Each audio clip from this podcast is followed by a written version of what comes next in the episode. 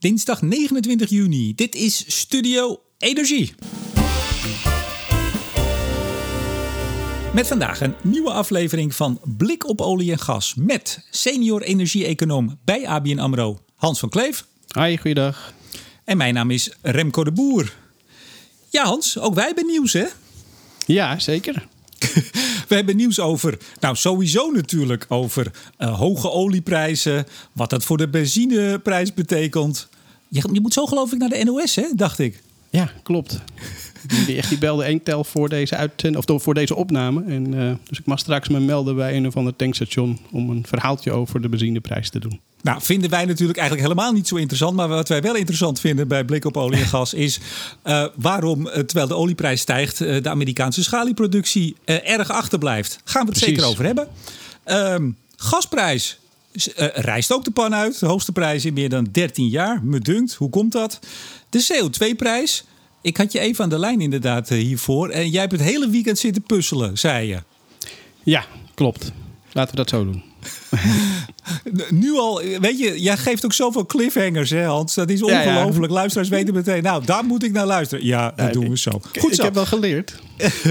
en we, gaan het ook nog over ABN AMRO zelf hebben. En ik hou daar niet zo van, uh, want jij zit hier niet als ABN AMRO-man... maar gewoon omdat jij heel veel van heel veel weet. Maar uh, ABN AMRO was de afgelopen week, of eigenlijk twee weken, uh, fors in het nieuws. Gaat veel gebeuren bij jullie en zelfs op jouw afdeling heeft het impact. Nou, dat willen we horen. Maar eerst even, ons nieuws. Ja, dit is de laatste voor de zomer, blik op olie en gas. En na de zomer gaan we het een beetje anders doen. Wat gaan we doen? Uh, we gaan iets meer uh, in, inspelen op, op de actualiteit. Dus ik, ga, uh, ik, ik ben geen onderdeel meer van de blik op olie en gas. Ehm, volgens mij ga je wel met Jillis door, toch? met Jillis gaat gewoon door. Ja, hij is zelfs ook een iets, iets hogere frequentie. Ja, precies. En ja, wij gaan iets meer kijken naar de actualiteiten. Dus geen vaste frequentie, maar wel inspelen op de actualiteit. En kijken op het moment dat er ergens duiding nodig is op het gebied van de energietransitie, grondstofprijs enzovoort. ja, dan, dan, dan, dan, komen we erin, zou ik zeggen. Ja. Ja, en inderdaad, het gaat natuurlijk vooral over. Uh, bedoel, olie en gas blijft de basis, maar het is veel meer. Gaan we het zo ook nog wel over hebben. Ook over jou misschien wel wat veranderende rol bij de bank. Je weet het ja. niet. Um, het gaat vooral ook over de markten. En inderdaad, het wordt meer uh, nieuws. Korter erop. Uh, we nemen het op en we knallen het ook gelijk online. En ik, ik ben ook even aan het kijken voor wat jingles daarbij, Hans. Oh, en ik, oh, ik wil je even mooi. laten horen hoe die vallen. Ik heb twee opties die we misschien of misschien wel niet kunnen gaan gebruiken. Ik laat je eerst even de eerste horen.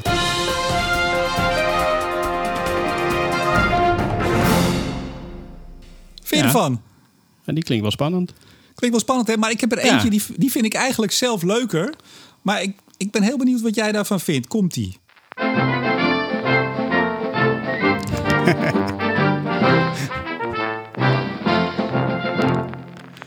Ja, als je ziet hoe de energietransitie gaat en het clowneske daarvan, dan, dan zou je inderdaad voor deze kiezen.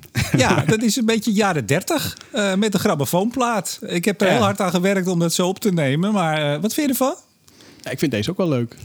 Ja, hè? Nou, misschien wordt dat hem wel. En de nieuwe titel, ja, dat weten we nog niet. Eh, suggesties welkom, zeggen we dan. Nou, daar heb ik even over na zitten denken. Oh, En wat, wat dacht je van Studio Energie ABC? Ja, ik had eerst ABCDE, maar dat werd wel erg lang. Maar iets van actualiteiten op update met de boer en van Kleef. Maar ik moet er... d- denk, er eens, denk er eens over. Ja, ik had eerst nog D en E ook van duurzaamheid en energie, maar dat wordt wel erg veel. Maar, Had maar je denk niks te doen dit over. weekend? Nee, ik ben juist heel druk geweest met jou en de podcast en alle voorbereidingen. Dus eh, Ja, want sinds eh, de, de laatste met Letitia, die dat toch weer even heel goed aangaf... het kost wel heel veel tijd ook. het kost tijd. Maar goed, het is het waard. Het is leuk. En, eh, en, en er gebeurt gewoon onwijs veel. En dat is, Ja. eh, dat is goed nieuws. Nou, de titel ga ik nog even op kouwen, zoals dat Ja, heet. dan, dan, dan doe ik het nog even op die jingle. 23, 23 juni eh, kwam weer de nieuwe energiemonitor uit van eh, ABN AMRO. Kan iedereen nakijken. Ik zeg het er altijd even bij. Als mensen denken, nou ik heb geen zin om naar Van Kleef en de Boer te luisteren... dan kunnen ze ook even naar dat prachtige document van jou. Hogere olieprijzen door economisch herstel. Nou, dat er hoge olieprijzen zijn, dat uh, hebben we allemaal wel gezien. Maar ik vond het wel interessant wat je schreef over. Uh, en daar hebben we het vaak over gehad. Hè? Ook nog toen we het met z'n drietjes deden, met Jillis erbij. Van ja, zodra die, uh, die olieprijs weer iets gaat stijgen. dan gaan de Amerikanen de schaliekranen weer openzetten. En dat gebeurt dus niet. Waarom niet? Nee, nou ja, eigenlijk verschillende redenen. En dat, dat was inderdaad de verwachting. Dat is denk ik ook waarom ik mijn olieprijsvoorspelling achteraf nu iets naar boven bij moet stellen. Omdat het ja, er niet gebeurt waarvoor men eigenlijk ja, gevreesd had, is een beetje een groot woord. Maar wat, wat men dacht. Uh, nou, in de eerste plaats hebben we ook wel eens over gehad. Hè, Biden en de strengere regelgeving. Uh, dus uh, de, meer focus op methaanlekkages en de behandeling van het afvalwater. Daardoor loopt de kostprijs op. En ja, dat zorgt ervoor dat, ja, dat die productie wat achterblijft. Ook um, het, het, niet uitgeven of het niet willen uitgeven van vergunningen voor productie op federaal land. dat, dat beperkt het productiepotentieel in ieder geval iets. Ik moet zeggen dat Biden daar wel toevallig is teruggefloten vorige week. dus, dus even kijken hoe ze daarop gaan reageren. Ja, Louisiana, hè, federale rechter. Ja, precies. Dus dat, uh, dat is even kijken wat, uh, wat de impact daarvan is. En um, ja, maar goed, uiteindelijk. En, en, ja, een andere factor is toch de toegang tot financiële middelen. En, en het feit dat de focus eh, van die producenten toch verschoven is naar ja, ook een keer geld willen maken, winst maken. Uh, anders dan alleen maar investeren. Dus ook zij zijn erachter dat als je iets minder produceert tegen een hogere olieprijs, ja, onderaan de streep levert dat meer op. Ja, wie, wie, wie, hele goede oren heeft, die hoort misschien geluid op, bij mij op de achtergrond. Dat is niet dat er hier geboord wordt naar olie, maar wel dat er iemand met een, uh, hoe heet zo'n ding? Uh, met een streamer volgens mij het gras aan het uh, kort wieken is van de gemeente. Oké. Okay.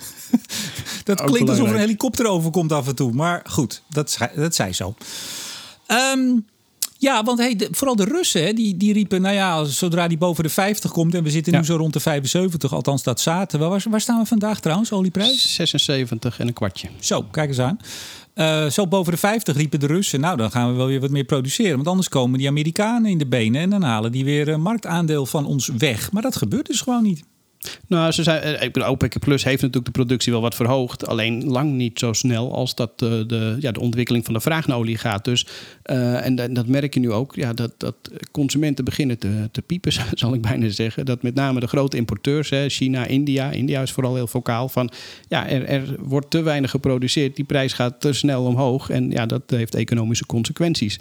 En inderdaad, de Russen die, die waren heel erg happig op het verhogen van die olieproductie vanaf 50 dollar.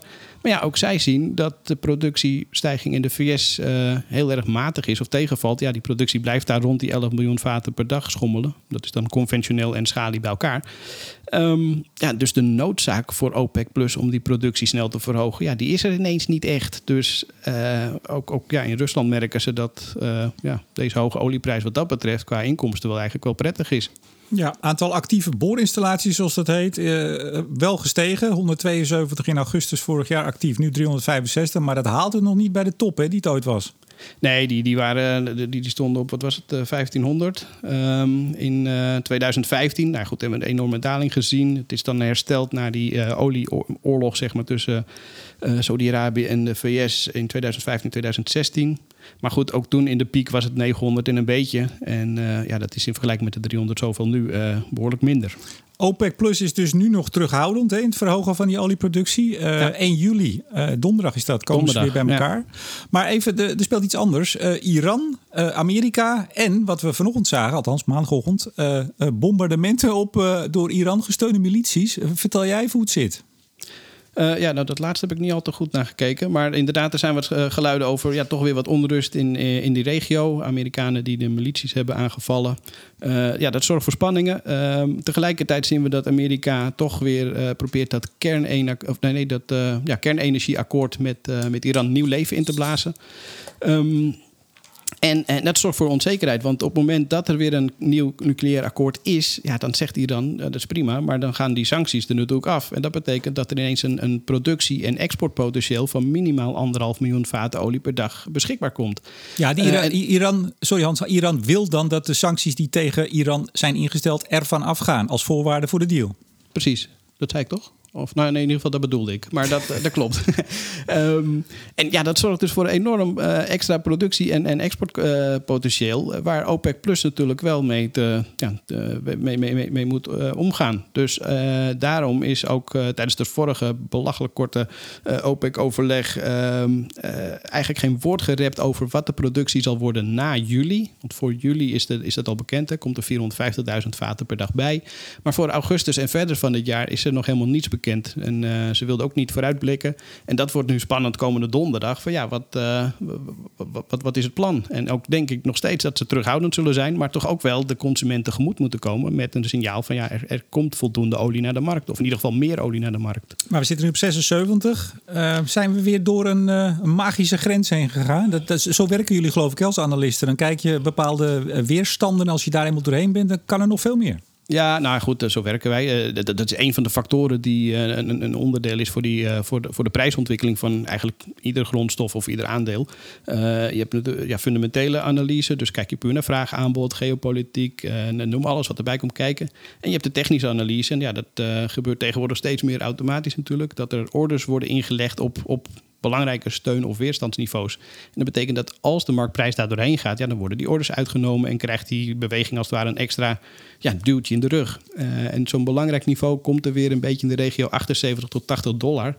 En dat is meteen een niveau uh, ja, wat, uh, wat gelijk staat aan de neergaande trendlijn die al in 2008 startte. Dus mochten we daar doorheen gaan, dan is dat niet alleen ja, weer een extra duwtje in de rug, maar het is echt wel een complete trendverandering van, ja, ten opzichte van de afgelopen 13 jaar. Ik vind het zo mooi, Hans. Ja, dat, jij, uh, jij pent die energiemonitor op, volgens mij op je, op, je, op je zolderkamer waar je nu zit. En dan schrijf je ons, onze verwachtingen van de olieprijs hebben, hebben we opwaarts bijgesteld. Dat ben jij toch gewoon in je eentje, Hans? Zeg het dan maar gewoon. Nee, nee, nee, nee. nee, nee, nee, nee, nee. Dat, dat is iets te veel hier. Um, het idee komt wel bij mij vandaan. Maar uiteindelijk zijn er toch wel een aantal um, uh, ja, hokjes uh, waar ik langs moet. En mensen waar ik langs moet om even af te stemmen. Of dat uh, klopt, in lijn is met het grotere plaatje. Of, of, ik niet iets heel doms zeg. Dat zou heel raar zijn als ik in mijn eentje de, de visie van de bank neer kan, kan zetten. Hans, het kan toch niet dat jij iets doms zegt? Dat bestaat toch niet? Nee, dat weet ik wel. Maar dat, dat weten sommige mensen binnen de bank. Die willen dat toch voor de zekerheid uh, ja, even afgevinkt ja, hebben. En terecht. We gaan het zo nog even over die bank hebben. Tot slot, uh, die prijs is dus bijgesteld. Nou, zeg het maar. Van wat ja, naar wat? Nou ja, uh, oh ja, ik was wel bang dat je dat ging vragen. Want ik had wel de, de, de nieuwe wat. Maar waar het vandaan Volgens kwam... mij van 60 naar 65, uh, Hans. Ja, precies. Ja, nee, die 65 had ik staan. Um, ja, dat is voor het eind van het jaar 65. Het gemiddelde prijs is ook wat omhoog naar 66 voor dit jaar. En dat is, uh, zoals je ziet, aanzienlijk lager nog steeds dan de huidige prijs. Omdat ik toch denk... Uh, dat met het productiepotentieel en Iran, uh, die er toch wellicht een deze dagen een keer aan zit te komen, ja, het, het, niet nodig zal zijn om die prijzen nog verder op te laten lopen. Ik denk ook dat de consumentenkant, en dan met name vanuit India en andere grote of importeurs moet ik dan zeggen, ja, de, de, weerstand steeds groter wordt. Ook het IEA heeft opgeroepen richting OPEC en OPEC Plus om uh, die productie op te voeren. Wat wel een beetje saillant detail is natuurlijk net na het uitbrengen van het net zero rapport. Waarbij ze eigenlijk zeggen van ja, olie en gas, uh, daar moeten we niet meer in investeren. Maar nou ja, dan die, zie je dat theorie daar en moeten we niet in scenario's investeren wel... op het moment dat je met z'n allen zegt dat je uh, niet meer dan anderhalve graden in het jaar 2100 de temperatuur wil laten stijgen. Precies, en dan zie je dus dat scenario's nog niet hetzelfde zijn als de realiteit. Uh, en, en, de realiteit is dat de vraag naar olie aantrekt. En uh, ja, dat er aan die vraag uh, voldaan moet worden om allerlei rare economische consequenties te voorkomen. Nou, straks de vraag naar gas en de prijs. Maar eerst ABN AMRO. Nou, jullie waren nogal in het nieuws als bank. Me dunkt. Ja. Jullie verkopen de divisie die investeert in de olie- en gasindustrie, Maas Capital. Ja. Nou, of, of die is al verkocht. Ik weet nooit zo goed hoe het zit met dat soort berichten. Maar in ieder geval. Oh ja, nee, het staat er al. Ik, ik, ik had goed moeten lezen. De investeringsfondsen Entrust. Global heeft het gekocht. Of nog een partij. Nou, dat doet er ook eigenlijk niet toe. En, ehm, en jullie trekken je terug, of hebben jullie al teruggetrokken uit de olie- en gassector in de Verenigde Staten. Ook daar is eh, wat verkocht. En een Sustainable Impact Fund, SIF. Overigens kennen we Mooi. SIF volgens mij van iets van, eh, van monopiles Ja. voor windparken, maar dat terzijde. Ook, ja, Eh, klopt. Een fonds van heel veel miljoenen om te investeren in bedrijven die de transitie naar duurzame, inclusieve samenleving versnellen. Hans, jij zit in een ubergroen bedrijf inmiddels. Ja, nou was ons logo al grotendeels groen. Ach, hemel. Maar, maar, maar, maar nu handelen we er ook naar. Dus eh, nee, dat is, dat is waar. Wat gebeurt Eh, er en allemaal daar? Nou ja, jij begon, eh, laat ik eerst met de disclaimer beginnen. Jij begon om te zeggen dat je niet graag over de bank spreekt, dat ik hier eigenlijk op persoonlijke titel zit. Ik spreek ook niet graag over de bank. En niet zozeer uh, omdat ik hier op persoonlijke titel zit, maar meer omdat ik als marktanalist op gebied van energie meer naar buiten kijk dan naar binnen. Uh, dus ik werk bij de bank, maar ik, ik ben geen bankexpert. Um, ja, dan kunnen we dit heel kort af. Wat gebeurt er in hemelsnaam allemaal, Hans? Nou ja, precies. Nou goed, eh, vorig jaar september hebben we al gez, is, onze strategie aangepast. Hè. Onze nieuwe CEO Robert Zwaak heeft daar uh, ja, een, een, een, draai aan gegeven. Meer focus op circulaire economie, energietransitie en social impact. En dat is eigenlijk de ontwikkelingen die je nu ziet. Die, die zijn in lijn met deze strategie, de nieuwe focus. En, en ja, dus ehm, de, de, activiteiten bij zowel Maas Capital, die focuste met name op shipping en olie- en gasindustrie. Um, als de portefeuille olie en gas in de VS, ja, die passen niet meer bij onze kernactiviteiten en bij de focus op ja, Noordwest-Europa, waar wij als bank toch uh, onze belangrijkste markt hebben en, en willen laten zijn. Um, ja, want Hans, wacht even. Dat vroeg ik me dus af. Hè. In hoeverre is dit nou ingegeven uit uh, nou ja, groene duurzaamheidsprincipes? En in hoeverre is dit inderdaad uh, ingegeven door, nou, dat is niet meer ons, uh, ons deel van de wereld waar we in investeren. Of het is een activiteit, of het brengt helemaal niks op. Kan ook natuurlijk. Hè. Dus je nou, verdienen er geen, geen centen aan, weg ermee. Nee, nou ja, goed. Kijk, op het moment dat je je strategie aanpast, dan ga je kijken waar, ja, waar, waar zitten de risico's en waar verdien je geld en, en, en waar wil je op focussen. En de focus is gelegd op Noordwest-Europa. Dat is onze voornaamste markt. Um, dus alles wat buiten Noordwest-Europa zit, of uh, waarbij onze klanten die in Noordwest-Europa zitten niet worden gediend, ja, die worden afgestoten. En dat merk je onder andere dus bij de verkoop van de portefeuille van olie en gas in de VS. Dat is niet, uh, niet, niet meer ons focusgebied. Um, en, uh, en daarnaast zie je natuurlijk een, een, een, een aandacht richting meer onze strategische inzet. En dat is gericht op die drie onderdelen die ik net zei. Hè. Dus meer de duurzaamheidskant, dus de circulaire economie, circulaire economie energietransitie en de social impact. En um, ja, dan. Um, ja, met, met de verkoop eigenlijk van dit en uh, dus van, van Maas Capital en die portefeuille in de VS, ja, speel je kapitaal vrij om in te spelen op, uh, op, op, op, onze, ja, op onze nieuwe focusmarkt. Dus dat, uh, dat, dat is ook precies uh, wat we doen. En, en onder andere inderdaad het Sustainable Impact Fund is daar een onderdeel van. Dat is, uh, we hadden al een energietransitiefund. Dus wat een, een fonds dat zich inzet en investeerde in kansrijke markten binnen de energietransitie. En dat is eigenlijk met dit fonds wat opgerekt. Dus daar is de energietransitiefund ingekomen. Um, waarbij we dus ja, zelf deelnemingen of private equity investeringen doen tussen de 4 en 30 miljoen euro in bedrijven die ja, uh, binnen onze groeimarkt, hè, dus Noordwest-Europa, in uh, ja, focussen op ja. die, die drie uh, aandachtsgebieden. De, genoeg. Heb je, heb je deze tekst nou gewoon letterlijk van de voorlichtingsdienst gehad of niet? Of heb je, verzin je dit nou zelf? Nee, ik heb het, uh, ik heb het heel even kort uh, laten informeren. Maar over het algemeen zijn dit mij geworden. Ja, daar was ik al bang voor. Nou, dit was de eerste en de laatste keer dat we nou, het over zeg. die rare bank hebben. Nou, tot, tot slot één dingetje. Ik, ik, uh, er kwam mij iets ter hand dat jouw bank, waar jij werkt, jouw werkgever... die is nu ook bezig om kleine beleggers warm te maken... om te investeren in de waterstofeconomie. Hans, daar moet je iets nou, aan gaan doen. Dat kan natuurlijk niet. Wat een onzin. Volgens, volgens mij was het meer uh, een uitleg richting beleggers. En, en er komen gewoon heel veel vragen binnen vanuit beleggers. Die zeggen van ja, ik hoor heel veel over waterstof. En kunnen we daar wat mee? En dit was meer een uitleg van ja, wat, wat is het? En uh, zijn er misschien bedrijven of, of producten die daarop uh, op in nee, kunnen spelen? Hans, dit was echt om, om mensen erin te laten instappen. Maar goed, dat uh, moet ieder voor zich weten. Nee, maar iedereen loopt natuurlijk achter de waterstofeconomie. Je kan ook gewoon als bank zeggen: nee, niet doen, niet instappen nog. Is nog niks voor u als particulier. Niet doen.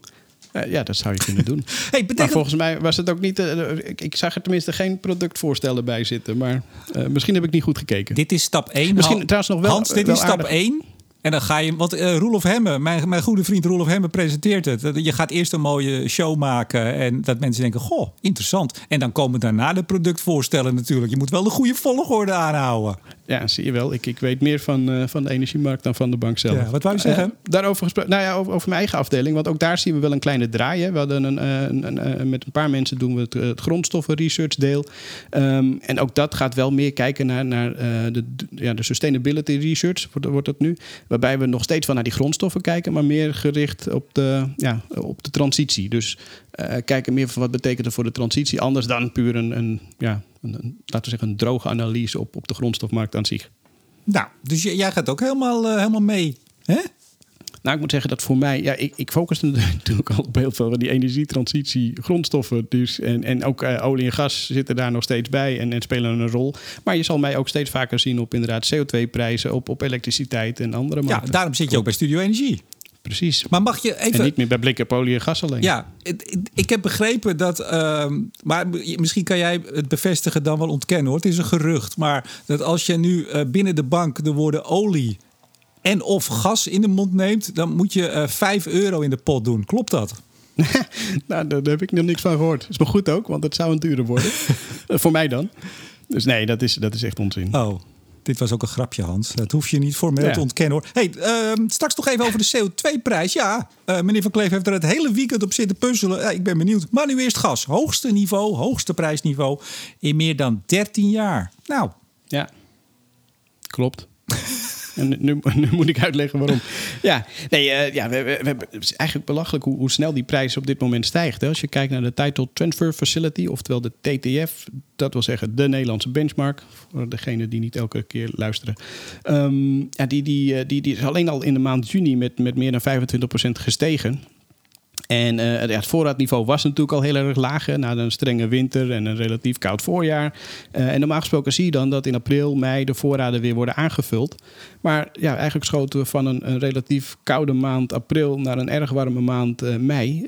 waardoor de vraag naar elektriciteit met name ehm, ja, nog steeds heel erg hoog was.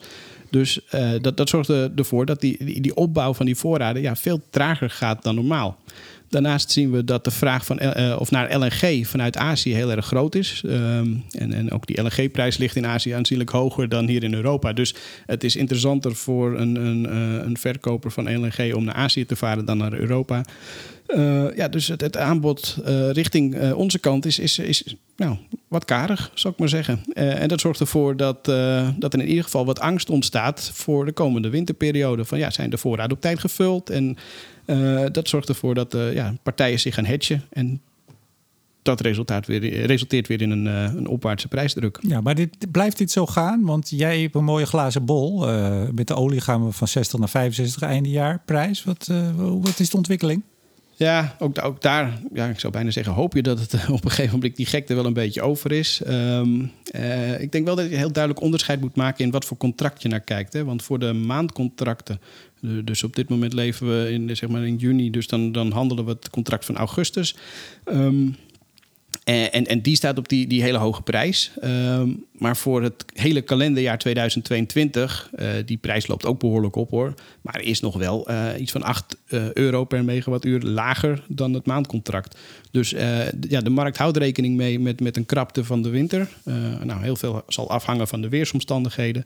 Um, maar dat is nog niet zo dat die, die gekte van de korte termijn en, en ja, bijna de, de paniekerige, zeg maar, wat we nu zien, dat dat al helemaal betrekking heeft op, op het volgende levendjaar, leveringsjaar. De CO2-prijs. Uh, 14 juli komt de Europese Commissie met een batterij aan uh, ja, wetgeving, hè, volgens mij. Voorstellen, wetgeving, uitwerking. Waar, waar komen ze mee? Nou ja, ze, ze, komen met een voorstel uh, voor de aanpassing uh, van, van het EU-ETS. Ja, onder andere, maar ze komen met veel meer, toch? Nou ja, goed, dat is hetgene waar ik vooral naar kijk. Luister, dames en heren, Van Kleef die concentreert zich gewoon op zijn taak. Ja. Ja. Nee, heel goed. Maar, wat wou je eraan toevoegen? Wat, wat, nee, maar waar komen ze nog meer mee dan? Nou, 14 juli, zo die day, hè? Ik bedoel, als je een beetje uh, rondspreekt... en uh, 14 juli komt de Europese Commissie met een hele batterij aan uh, van alles en nog wat. Ja, dat, zei je net ook al. Uh, maar goed, wat alles en nog wat is, dat gaan we dan 14 juli zien. Maar ze komen in ieder geval ook met een aanpassing van het EU-ETS. En uh, ja, daarbij is toch de verwachting dat natuurlijk het, uh, het, het, het, reductiepad... waarbij in die, die rechten zeg maar, beschikbaar worden gesteld aan de markt... wordt verhoogd. Dat moet ook, hè, want we gaan van 40% naar 55% reductie in 2030. Um, en de vraag is een beetje of er ook misschien een eenmalige aanpassing komt. Eenmalige reductie in 2025-26. net als dat we gezien hebben bij de implementatie van het eh, Market Stability Reserve. Hè, waarbij er op één moment een, een, een pluk uh, overtollige emissierechten uit de markt wordt gehaald. Um, nou, en dat, dat, dat leidt tot een aantal uh, ja, gevolgen, marktspeculatie. Dus we zien in ieder geval dat bedrijven ja, hun overcapaciteit zeg maar, vasthouden om eens te kijken wat er gebeurt straks. Maar je ziet ook al wel verschuivingen binnen de, de speculatieve posities. Dus het aantal uh, short posities, dus mensen die speculeren op prijsdalingen, die uh, neemt behoorlijk toe. Uh, en ondanks dat ik, ik had eigenlijk verwacht dat het aantal long posities, dus mensen die speculeren op verdere prijsstijgingen, ook toe zou nemen. Maar dat zien we juist wat afgebouwd worden. Um, Hoe komt dat dan? En, en dat is, waar, nou ja, ik, ik, denk als jij ingestapt bent op 20, 25 euro, of misschien zelfs al eerder, en je ziet 55 op de borden staan, ja, dan heb je een mooi rendement gemaakt. Dus dan is het voor partijen interessant om, om winst te nemen en dus die rechten weer op de markt te gooien. Ja. En dat is ook meteen een beetje het, het lastige aan dit hele product. Omdat ja, op het moment dat die aankondiging geweest is, kan twee kanten op. Hè. ofwel, uh, ze zijn veel strenger dan verwacht. En iedereen denkt van, oh jee, die prijs giert omhoog. Nou, dan, dan krijg je dus door marktspeculatie een, een, versnelling erin. Maar het kan ook zijn van, nou, dit is ongeveer wat we verwacht hadden. We gaan winst nemen. Dan sta je ineens 10 of 20 euro lager. Um, en, en, en dat maakt het denk ik... Uh, ja, dit product voor, voor nog steeds heel erg lastig. Maar die aankondiging die, die was al een tijdje terug. Is, is dat nou allemaal al verwerkt? Of verwacht je dan de komende twee weken tot 14 juli nog grote sprongen? Nee, het is, nog, eh, het is in zover verwerkt dat men weet dat, die, dat er een aanpassing aan zit te komen. Maar we weten nog niet precies hoe groot en hoe die eruit gaat zien. Dus uh, er is op geanticipeerd. Dat heeft mede die prijs dus van nou, 25 uh, eh, euro omhoog gedrukt. Richting de, de 56, 90 in mei. En nu schommelen een beetje tussen de 50 en 55. Um, maar ja, goed, het, het, is dus eerst afwachten nu wat, wat die aankondiging is en met welke maatregelen ze komen. En op basis daarvan uh, zal je zien dat daar weer uh, op, op gehandeld wordt.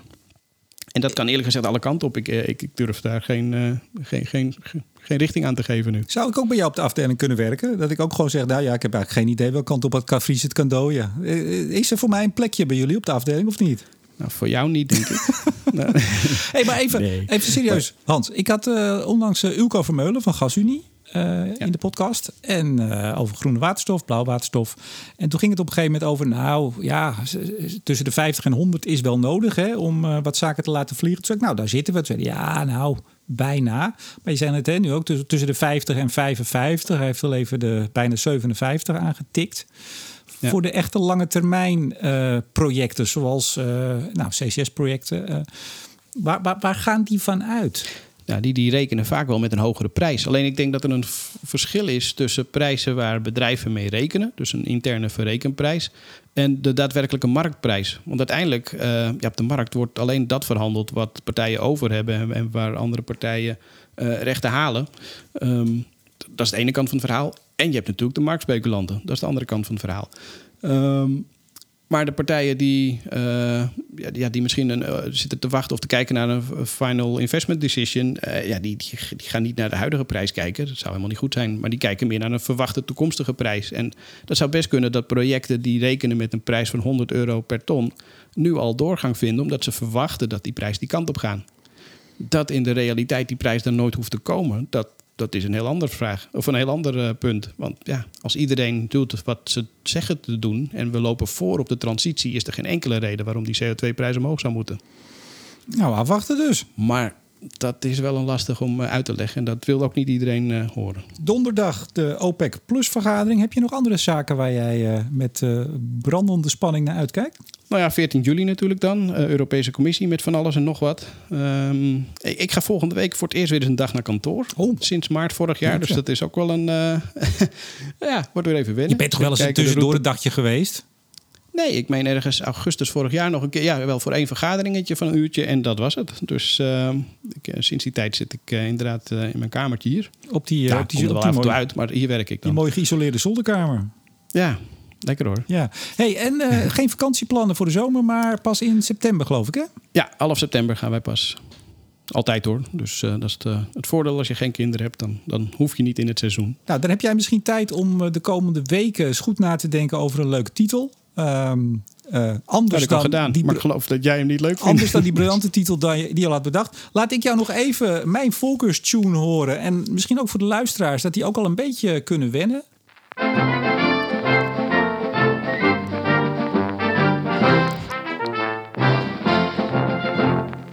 Ja, ik vind het wel een zijn suggesties hier ook welkom. Tot zover deze aflevering van Blik op olie en gas met senior energie-econoom bij ABN AMRO Hans van Kleef. Dankjewel en fijne zomer. En mijn naam is Remco de Boer en ook ik zeg fijne zomer en tot na de zomer. Tot de volgende keer.